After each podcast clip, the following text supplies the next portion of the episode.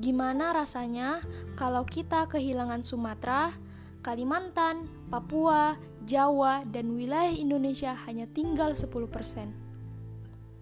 Gimana rasanya kalau ada belasan ribu rumah rakyat Indonesia dihancurkan dan diratakan, lalu muncul ratusan ribu perumahan ilegal warga asing? Gimana rasanya kalau puluhan ribu rakyat Indonesia dibantai, puluhan ribu warga terluka, dan jutaan lainnya mengungsi ke negara tetangga atau berdesakan di tanah sempit yang tersisa seperti Gaza?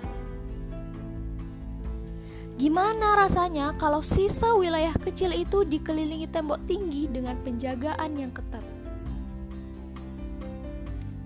Air susah, makanan sulit, pendidikan apalagi bahkan beribadah ke masjid pun sulit. Penderitaan belum selesai, sedikit warga yang tersisa dihantui penculikan, pembunuhan, dan penyiksaan. Gimana rasanya? Nah, ternyata ini yang sedang dirasakan saudara-saudara kita di Palestina sejak lama. Faktanya, semua kejahatan yang dilakukan Israel jelas-jelas melanggar peraturan Konvensi Jenewa dan International Covenant on Civil and Political Rights. Lalu, mengapa Israel tidak mendapatkan hukuman dari pengadilan internasional? It's not happening here, but it's happening now.